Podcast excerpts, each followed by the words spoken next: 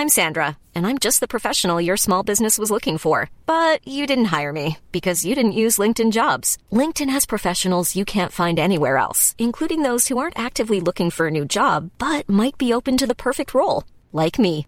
In a given month, over 70% of LinkedIn users don't visit other leading job sites. So if you're not looking on LinkedIn, you'll miss out on great candidates like Sandra. Start hiring professionals like a professional. Post your free job on linkedin.com/people today.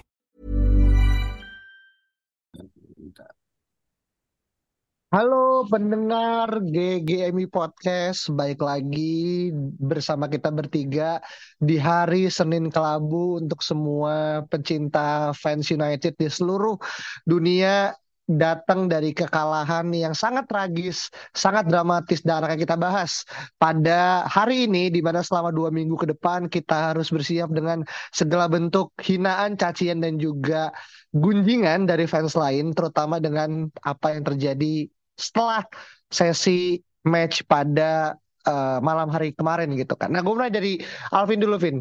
Terkait dengan starting, nggak ada yang berubah, uh, tetap menggunakan formasi yang sama dan tidak ada nama pemain baru yang didatangkan dari bursa transfer kemarin. Uh, dan apa yang lo lihat dari formasi yang diturunkan sama Ten Hag, Vin? Ya, kalau formasi sebetulnya um, agak kecewa ya bahwa nggak ada nama Scott McTominay dan juga Jadon Sancho.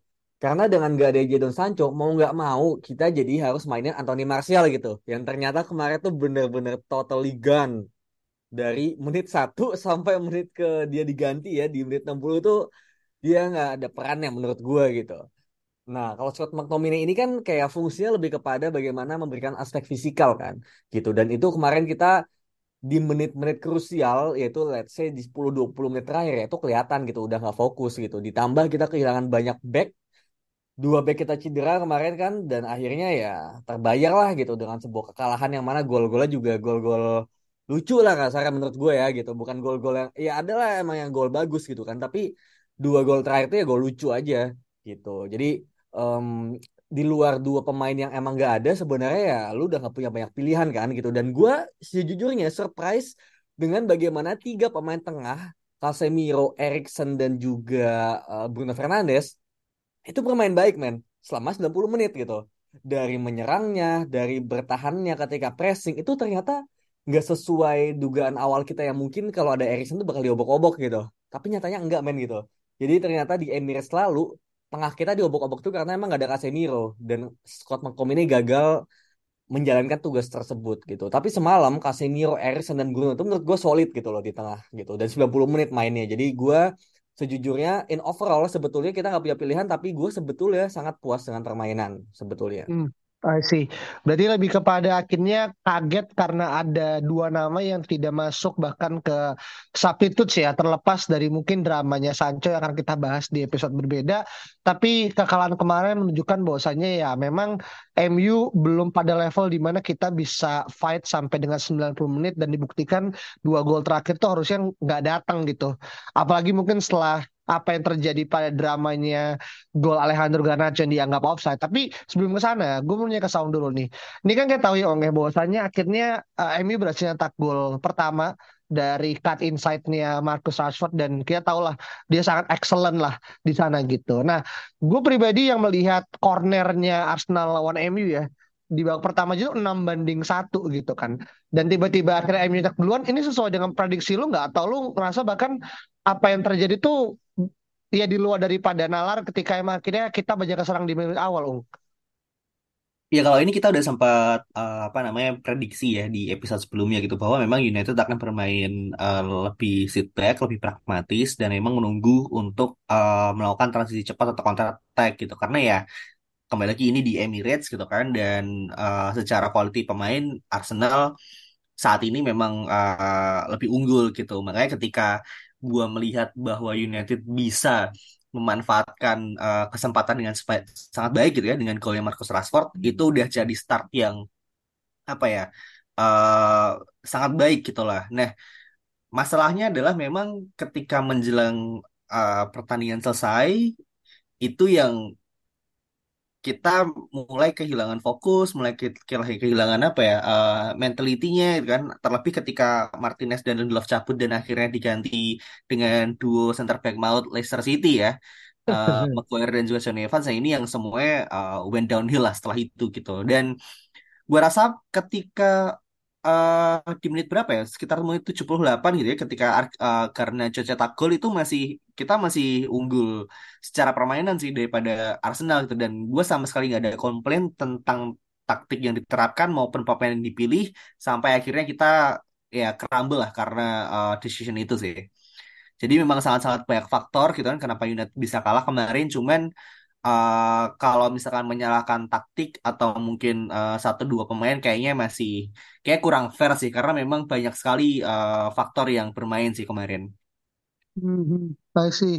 Iya, dan ini adalah hal yang sebenarnya apa ya, bisa gue bilang match kemarin tuh nggak hanya seru buat fans Arsenal karena menang ya, dan juga skornya sesuai dengan apa yang mungkin diharapkan sama banyak fans-fans netral di mana akan quote-unquote banjir gol ya dengan 4 gol, tapi juga bagaimana akhirnya drama-drama yang terjadi di dalam lapangan gitu, dan kita bisa nyebut terkait dengan apakah uh, Havertz itu emang pure uh, dijatuhkan sama Wan Bisaka dan ternyata VAR menggagalkan atau bahkan yang quote unquote cukup sangat dramatis adalah terkait dengan golnya uh, Garnacho yang akhirnya uh, di bisa dibilang apa di rule out lah ya sama VAR gitu. Tapi untuk terkait dengan Havertz dulu nih, Vin, lu ngerasa emang itu pure tidak off, tidak penalti atau tetap akan ada sentuhan walaupun kita tahu ya di Liga Inggris kan sekarang sentuhan kecil aja gitu. Itu akan udah bisa membuat VAR dan juga wasit tuh memberikan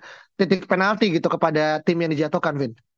Ya kalau Havertz menurut gue udah sesuai ya gitu karena sebetulnya ya sebetulnya um, ketika kejadian Havertz itu secara sebelum di reply itu gue lihat juga penalti karena seperti ada kontak gitu. Cuma ketika ternyata di reply, ternyata emang kakinya Havertz yang nyenggol Wan Bisaka gitu loh. Bukan Wan Bisaka gitu. Wan Bisaka emang ada intensi mau kena kakinya, tapi nggak kena. Kemudian uh, Martin siapa Havertz itu ketika lagi jalan kakinya ngenain Wan Bisaka gitu. Jadinya ya udah jatuh gitu kan. Gitu. Dan itu menurut gue udah sesuai sih kalau Havertz. Oke. Okay. Harusnya kartu kuning tuh harusnya tuh. Kok nggak ngaruh sih, hapus kuning juga nggak ngaruh juga sih sebenarnya. eh cuman konyol aja gitu loh, ketika banyak pertanyaan-pertanyaan sebelumnya yang kayak uh, decisionnya sangat-sangat jelas gitu ya, malah dikasih uh, apa namanya keputusan yang sangat berbanding terbalik gitu. Jadi kayak konsistensi ini yang beneran apa ya jadi masalah banget sih bagi gue gitu ya di Premier League musim ini gitu. Karena kayak match kemarin katakanlah ketika uh, siapa namanya Manchester City lawan siapa ya kemarin ya? Sheffield. Uh, yang golnya tan uh, golnya Ake itu itu kan harusnya oh iya Fulham lawan Fulham ya iya kan? Tapi lo lihat uh, garisnya si Garnacho sama Gabriel ke mana tuh bahkan kayak konyol gitu loh. Ketika hal-hal segitu tuh sampai beneran apa ya dikasih roll out offset tanpa lo dikasih benefit of the doubt tapi ketika kayak yang benar-benar blatantly offset lo malah kasih goal itu kan apa ya uh, kayak nggak jelas aja sih Premier League sih musim ini Banyak inkonsistensi ya yang terjadi yang ngebuat akhirnya beberapa tim harus dirugikan gitu. Walaupun kita udah sama-sama tahu dan menjadi pergunjingan di media sosial kalau Anthony Taylor yang kemarin didapuk sebagai wasit itu akan cenderung merugikan MU gitu ya pada any meaning gitu dan mungkin kalau kita result dan apa yang terjadi offside dan juga some of the decision termasuk ada yang bilang tackle-nya Saka ke Bruno itu harusnya kartu merah gitu ya.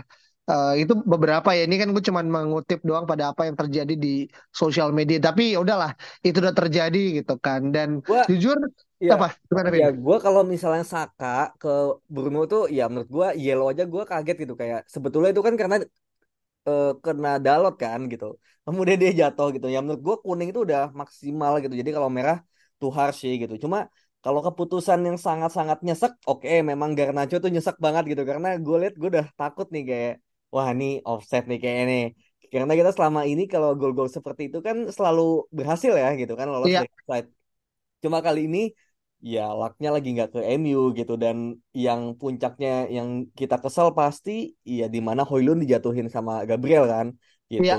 gitu jadinya itu gue merasa kayak wah ini nggak dicek samsek gitu jadi itu kesel sih karena Hoylund tuh bagus banget kemarin Iya. Nah ini baru gue masuk nih ke sana gitu. Tapi eh dan anehnya ya, nih kalau misalnya sedikit ngerubah ke Højlund dan juga Gabriel, itu bahkan nggak ada replaynya gitu. Ini kita nggak usah ngomongin VAR lah ya.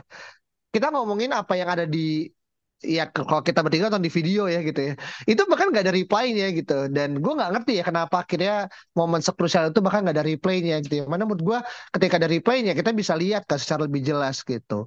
Yang mana ini pun juga alasan kenapa gue kemarin masih mau menunggu sampai akhir ya. Terlepas mungkin bawa-bawa kalah tuh udah mulai tercium setelah Johnny Evans masuk dan Maguire akhirnya menggantikan Lisandro adalah keberadaan Rasul Hoylund gitu yang secara impact dia cuma mungkin bersih main 20 menit lah quote unquote dengan tambahan extra time segala macam gitu. Cuman dia bisa memberikan bukti yang nyata dibandingkan Martial yang main 60 menit gitu kan.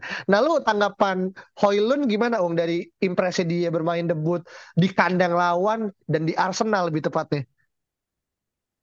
Ya, gue berharap dia sebenarnya nggak cedera dari awal musim ya, karena benar-benar sosoknya sangat dibutuhkan sih. Dan ketika dia masuk, dia memberikan eh, apa namanya dimensi yang berbeda daripada Martial gitu kan.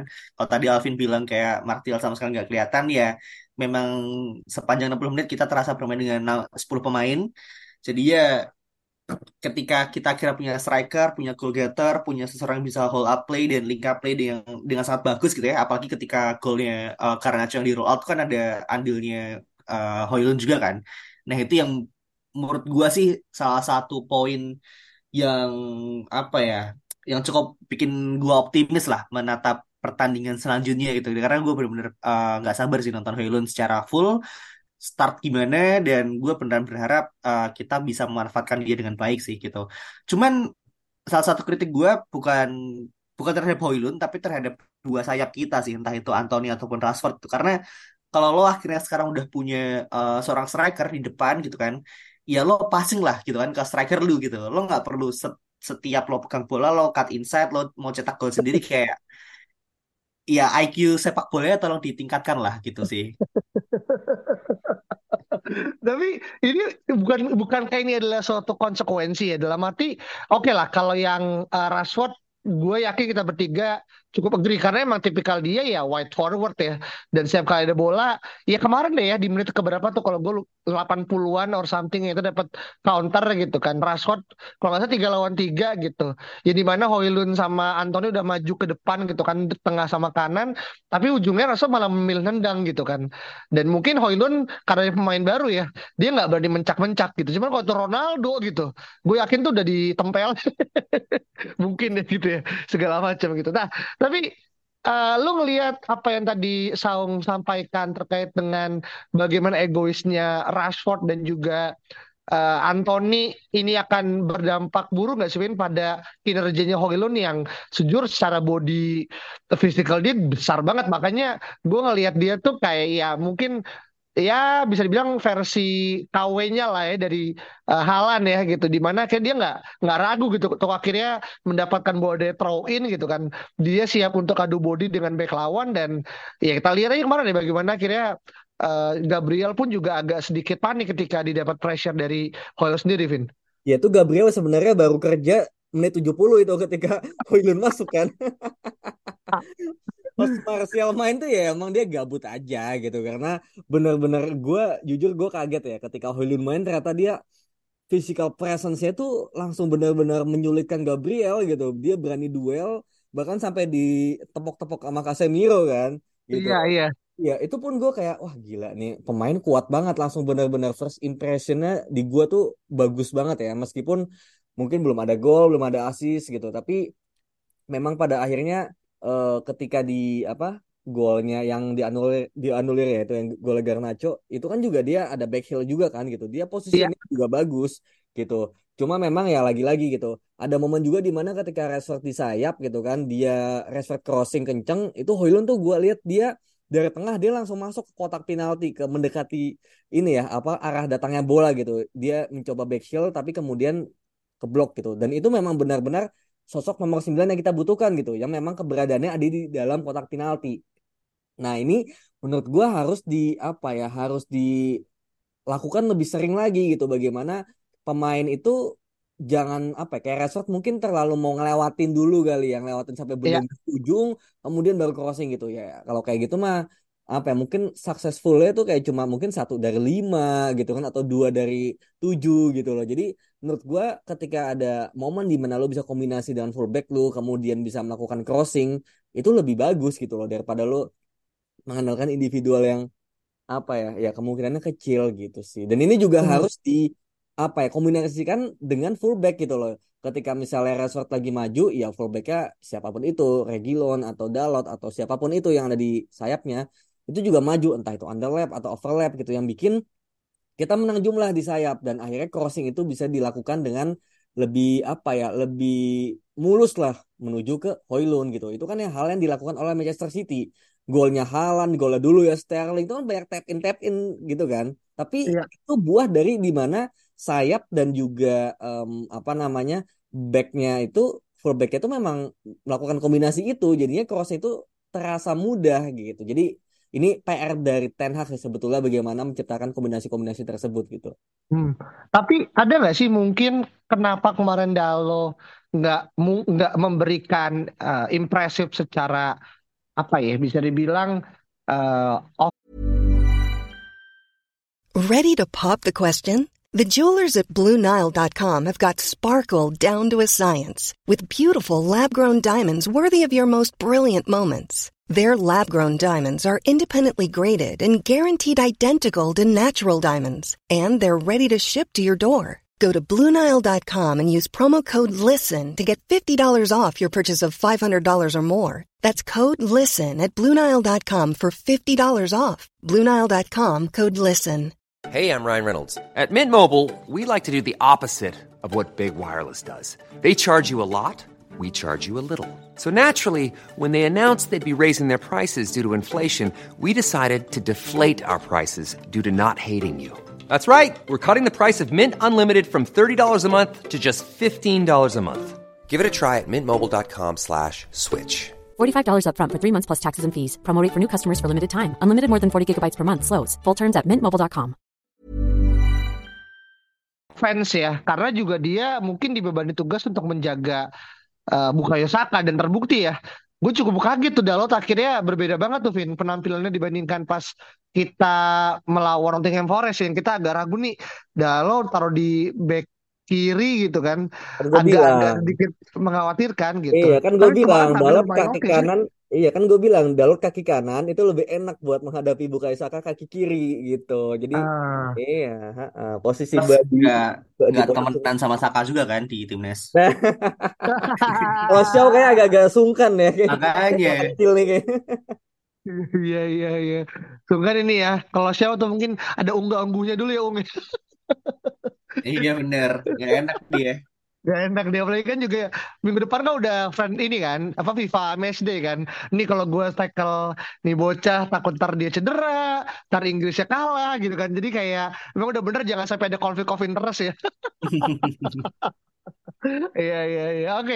Nah, tapi gini, kalau kita ngomongin masalah hasil pertandingan kemarin gitu kan. Jadi ada stats yang buat gue unik dan gue jujur udah share kan ke teman-teman juga di grup internal kita gitu. Gue dapet dari Facebook yang mana uh, eh, gue pun juga se, se gue sih yakin kita bertiga nonton MU tapi nggak nonton sampai tahun-tahun yang 70-an gitu. Karena kita juga belum lahir gitu kan. Tapi ini ada suatu fakta yang menurut gue unik ya dan menurut gue sangat enak aja buat didiskusikan gitu kan. Jadi uh, dia berkata kalau untuk pertama kali sejak 1973-74 ya musim MU kalah di dua game away pertama IPL dan pada musim itu MU akhirnya degradasi gitu. Dan itu udah lama banget ya, udah hampir berapa? Mungkin uh, ya berapa? 70-an tahun lah segala macam. Nah, lu ngelihat ada nggak sih cocokologis dan mungkin apakah lu cenderung tim yang pro atau kontra dengan fakta ini, Ung? Kayaknya lebih dulu Chelsea yang degradasi ya daripada United. Jadi gue masih cukup optimis sih kita masih bisa setidaknya dapat Champions League. Kayaknya masih bisa sih. Oke, oke. Berarti Mhm. kita at least mengamankan Champions League menjadi salah satu bare minimum ya. Never settle for karena. Apa? Iya, karena kita kalah 2 away kan itu juga lawan Tottenham dan uh, Arsenal kan gitu. Which is memang secara tim mereka tidak bisa dipandang sebelah mata gitu. Iya. Jadinya gue masih punya uh, harapan lah gitu ketika ketika kita tandang di let's say uh, Stamford Bridge atau mungkin di uh, Bournemouth dan segala macamnya itu masih bisa lah meraih poin penuh gitu. Tapi Mhm. eh dengan segala drama dan apa yang terjadi gitu ya di awal musim dan juga Ya, eh, apa pemain-pemain yang telat-telat pada datang ini kayaknya ya. memang kita mesti kasih sedikit kemakluman sih dengan hasil yang kita terima. I see. Karena kan kalau gua memberikan validasi kalau untuk lawan Tottenham, Tottenham ya. Karena kan ya kita selalu kesulitan ya Ung ya ngelawan tim dengan pelatih baru kan. Postecoglou kan juga bisa dibilang kan pelatih yang baru pertama kali dilawan sama Ten Hag nih gitu kan. Yang kalau Arsenal ya kita tahu Arsenal musim lalu ada title contenders jadi dan dia pun juga belanjanya sangat gila-gilaan ya. Pemainnya juga bisa dibilang ya salah satunya adalah bahkan yang mencetak gol gitu kan. Jadi gue memberikan benefit of the doubt lah gitu. Nah Lu sendiri, Vin, gimana pro atau kontra dengan fakta ini? Dan kalaupun lu akhirnya setuju dengan Saung ya, dan juga dengan gue yang tadi mengatakan ya udah kasih benefit of the doubt, eh, apakah memang harus tiap musimnya MU itu terseok-seok dulu gitu, hingga akhirnya baru setelah international friendly match kita mulai menemukan pathway-nya dan baru mulai nanjak sebagaimana akhirnya mesin tua yang harus dipanasin dulu gitu biar biar bisa akhirnya ngegas segala macam, Vin. Ya, ini kan gue emang udah pernah bilang ya dulu kalau jadwal awal kita ini emang berat banget gitu loh. Wolves di home itu juga jelas bukan pertandingan yang gampang sebelum kita main ya. Kemudian Ya, ada away Spurs, away Arsenal, abis itu ada Brighton gitu. Itu berat banget jadwalnya gitu. Itu ketika jadwal itu muncul di Twitter, gue udah bilang ini berat nih jadwalnya gitu kan. Dan memang terbukti away Arsenal, away Tottenham, ya kita kalah meskipun menurut gua nggak lagi yang ancur ya, ya gitu. Apalagi lawan ya, Tottenham kita sebetulnya satu babak bagus dan suwe gitu kan kasarnya. Dan kemudian di babak kedua ya kita dihukum gitu. Kalau di Arsenal kan lebih kepada ya ada luck yang memang lebih berpihak kepada Arsenal gitu kan. Di mana akhirnya ya. mereka memanfaatkan momentum dan kita juga kehilangan dua back. Ya mau gimana anjir Martinez cedera. Tiba-tiba kan itu gue udah shock itu tiba-tiba Martinez duduk kan kayak wah kelar Aduh. Kelar itu Martinez keluar tiba-tiba Maguire udah pakai baju disiapin kan sama Altay Bayindir kan dipegangin kan bajunya kan. Gue udah kayak lu kenapa gak Bayindir aja main? gitu. Kayak wah mati gue sama Maguire main gitu. Kemudian di Love Net 88 diganti gue kira siapa gitu yang masukkan tiba-tiba Evans kayak wah udahlah ini mah gitu. Jadi menurut gue memang faktornya banyak banget di sini nggak cuma emang kita em, jadwalnya berat tapi memang badai cedera ini somehow terjadi setelah kita hire dokter dari Arsenal kan gitu. Jadi kayak badai cederanya pindah gitu. Dari Arsenal ke MU entah kenapa backnya tuh habis semua tiba-tiba gitu. Jadi menurut gue ini banyak faktor yang bikin kita terseok-seok gitu. Meskipun dari taktikal gue melihat emang ada kemajuan gitu I see. Dan by the way, gue barusan banget nih buka ke Twitter kalau Martinez serta tetap ikut berangkat ke Argentina dia, Iya, tetap iya. eh, berangkat saya untuk ikut friendly match ya, FIFA Match Day gitu. Jadi harapannya sih nggak ada cedera yang serius gitu, yang mungkin agak sedikit mengkhawatirkan mungkin Lindelof kali ya, yang pakai kruk kan tadi gue lihat tuh dia sempat keluar dari tunnel gitu dan sempat pakai kruk gue nggak tahu apa yang terjadi. Tapi emang kemarin tuh benar-benar gimana akhirnya Martinez mulai eh, apa ng- ngelonggarin ikat sepatu sih Vin. Kalau gue sih Vin. Kalau dulu mungkin iya tapi pas dia ng- ngelonggarin ikat sepatu ah ini kayak udah pasti ganti sih. Orang nggak mungkin ngelonggarin ikat sepatu kalau dia nggak akan eh, apa melipir keluar gitu kan. Tapi after all kita doakan yang terbaik ya. Walaupun tentu kita masih punya jeda dua minggu ya sebelum akhirnya akan balik lagi dan semoga nama-nama kayak Sofyan Amrabat terus juga mungkin Reguilon gitu udah mulai bisa akhirnya masuk sebagai eh, bisa dibilang apa ya elemen of surprise lah melawan Brighton yang nanti akan kita bahas terpisah tapi kemarin baru aja menang gitu kan tiga tiga satu bahkan lawan Newcastle gitu kan Ya, tapi kalau kalau kata gimana? Justin, dia kan bikin live commentary kan. Newcastle Ya, lawan Brighton itu katanya ya pertandingan sangat-sangat bagus gitu. Jadi kayak Brighton ini lagi on fire banget dengan Evan Ferguson ya yang ya, bisa hat trick gitu. Jadi ya let's see lah gue nggak tahu gimana nanti di Iya, iya, iya, iya, iya. Evan Ferguson ini mengingatkan gue pada Wayne Rooney sebenarnya sih.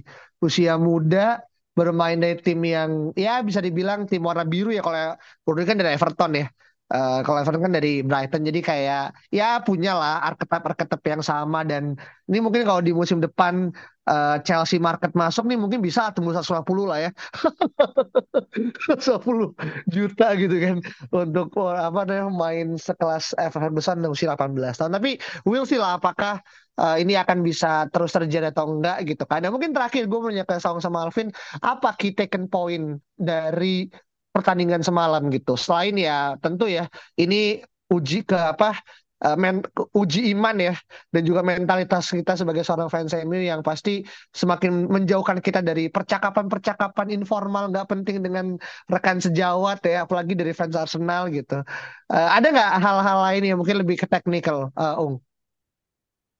Wah kalau lebih ke teknikal kayaknya nanti Alvin ya yang bisa iya, iya. Lebih dalam gitu. Kalau cuman kalau gua uh, ingin mengingatkan kalau musim masih panjang gitu kan. Ini baru game week keempat ya. Baru iya. game week keempat dan apa namanya kita masih bisa menang lebih banyak, masih bisa kalah lebih banyak juga. Jadi ini bukan akhir segalanya. Uh, tapi yang jelas masih banyak hal-hal yang uh, kita masih looking forward sih kayak uh, Rasmus Hoylund, kayak Amrabat nantinya, terus bagaimana uh. Mason akhirnya bisa fit in gitu kan ke tim ini gitu dan mungkin uh, kalau ada satu tim yang bisa lolos dari segala dramanya gitu kan dari musim lalu kayaknya itu uh, Manchester United sih. Jadi hmm. kayaknya masih akan baik-baik saja sih musim ini. sih, iya terlalu dini ya untuk anggap hmm. kalau akhirnya kita menyebut Ten Hag out dan apa-apa yang mungkin ya kiamat buat MU itu terlalu cepat datangnya gitu. Bahkan bursa transfer udah tutup, yang mana kita udah nggak bisa lagi beli. Tapi kalau jual masih bisa ya ke beberapa tim di mungkin di Turki segala macam gitu. Nah kalau dari lu gimana, Vin? Iya, um, kalau dari gua key pointnya adalah bagaimana kita udah bisa bermain lebih tenang di belakang gitu. Gitu. Jadi kemarin kita bahkan babak pertama 55% ball possession ya meskipun itu nothing ya kalau misalnya tanpa sebuah output gitu tapi bagaimana kita bisa build up dengan baik dari Onana, Lindelof, Martinez, Dalot dan juga Wan Bisaka itu semalam udah lebih kelihatan gitu bahkan Onana bisa uh, ngedelay banyak momen untuk uh, pemain Arsenal tuh pressing gitu dan ketika pemain Arsenal pressing itu kan berarti ada satu pemain yang uh, nantinya kosong gitu pemain MU dan itu sering kali dimanfaatkan gitu cuma memang pada akhirnya build up aja nggak cukup gitu. Ada lagi fase 2 yang namanya progresi bola gitu. Nah, ini lemahnya di Casemiro gitu yang mana dia kan bukan pemain yang bagus dalam pegang bola, jadinya ya sering kali bolanya juga mandak-mandak juga gitu. Tugas Onana selesai sampai situ aja gitu loh. Udah progresi udah tugasnya bagaimana fullback ataupun gelandang gitu. Makanya inilah pentingnya Sofian Amrabat gitu yang dia um, apa bisa keluar dari pressure dan juga dia bisa dribble dan dia memang di nomor 6 dia lebih seperti di playing playmaker gitu. Jadi gue mau melihat kombinasi Onana ketika dia ngasih bola ke Amrabat and then bolanya bisa maju apa enggak gitu atau ternyata dia oper balik lagi ke Onana gitu sih. Jadi Onana ini penting. I see, oh sih.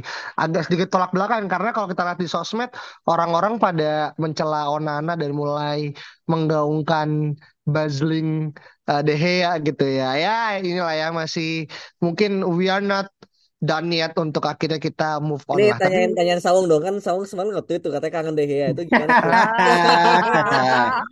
cuman cuma tuh be fair ya, tuh be fair dari segala gol yang uh, Arsenal masukkan gue 100% yakin De Gea tuh bisa nyelamatin itu gitu.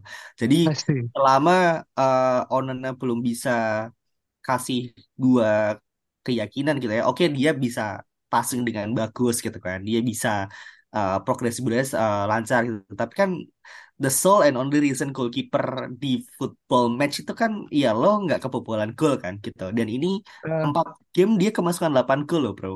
Jadi memang uh, kita tahu kenapa dia dibeli dan uh, masuk ke dalam tim kita gitu kan. Tapi uh, kritik juga harus dikasih sih ke Onana sih menurut gue gitu. Oke, okay. ya ini imbang nih, gue hmm. suka nih. Hmm. Jadi kalau, kalau ada gua, apa? Ya kalau gua tadi kan disebutkan 4 match 8 gol gitu ya. Itu balik lagi sebenarnya ya kalau gua lebih objectively mau melihat kayak uh, kebobolannya kayak apa gitu kan. Gitu. Kalau misalnya lawan Spurs ya kita lihat sendiri gitu golnya seperti itu kan. gitu. Terus kemudian golnya Forest ya lu waktu expect gitu one on one lawan Awoniyi gitu. Kemudian gol kedua uh, di flagnya Casemiro gitu. Kemudian golnya Odegaard itu menurut gua itu nggak bisa gitu. Itu susah tuh karena ke ujung kan gitu. Kemudian golnya Gabriel Jesus itu juga kayak ya man lu udah one on one kayak gitu gitu. Udah apa kayak ya dua satu tiga satu udah udah nggak ngaruh gitu kan. Nah mungkin gol kedua kali yang mungkin menjadi ini kan apa namanya perdebatan gitu kayak itu kan mungkin near post itu kan sebetulnya selalu milik goalkeeper kan gitu. Mungkin 50-50 lah kayak gue tahu itu emang di flag itu juga back-backnya entah kenapa pada kabur semua tiba-tiba kan. Lu kalau ngeliat itu Evans, Maguire, Dalot ketika bola jatuh ke Rice itu tiba-tiba mereka tuh menghindar semua. Jadi kayak kasarnya mempersilahkan bola masuk ke gawangnya Onana gitu.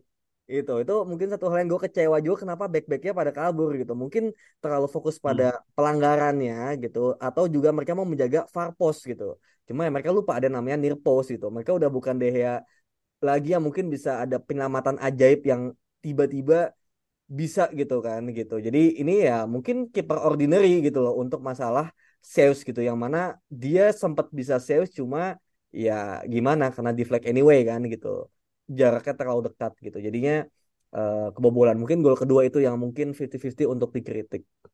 Oke, oke, gue cukup ini ya, cukup kagum. Ternyata Alvin juga bisa sangat objektif dalam menilai suatu fenomena yang walaupun emang gue pun juga setuju kayak ya selayaknya pemain dengan bandrol mahal ya, ada pertanggungjawabkan ya yang akhirnya harus diberikan sama Monana dan selama empat pertandingan terakhir masih banyak catatan-catatan yang harus dia emban. Dan walaupun tentu buat gua musim pertama tuh adalah musim percobaan ya.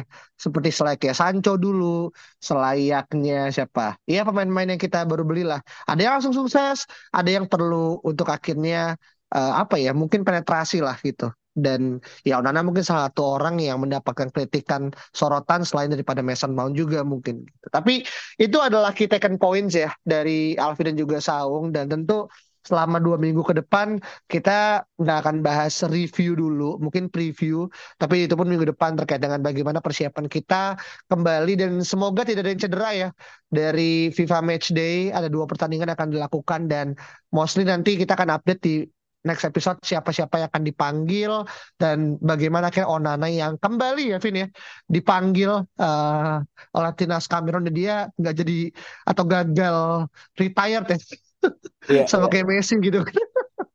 Yang eh, apa namanya udah gantung sepatu sepatu diambil lagi gitu ya. Di yeah, usia yang untuk, sih, untuk Piala Afrika kita kehilangan dua pemain ya sama Sofian Amrabat juga kan? Nah itu dia. Hal yang akhirnya pengen gue bahas tapi nanti lah ketika udah mau mendekati Piala Afrika. Kalau dari sekarang makin pusing bro. Udah kalah mikirnya Amrabat udah cabut gitu kan. Jadi uh, save apa ya save the worst for the last kayak gitu aja teman-teman. Kalau ada masukan dan mungkin ada poin berbeda silahkan langsung reply aja tweet di at Podcast. Jangan lupa share follow dan juga kasih bintang 5 kita di Spotify. Kita ketemu di next episode. Bye Mom deserves the best, and there's no better place to shop for Mother's Day than Whole Foods Market. They're your destination for unbeatable savings, from premium gifts to show-stopping flowers and irresistible desserts. Start by saving 33% with Prime on all body care and candles. Then get a 15-stem bunch of tulips for just $9.99 each with Prime. Round out Mom's menu with festive rosé, irresistible berry chantilly cake, and more special treats. Come celebrate Mother's Day at Whole Foods Market.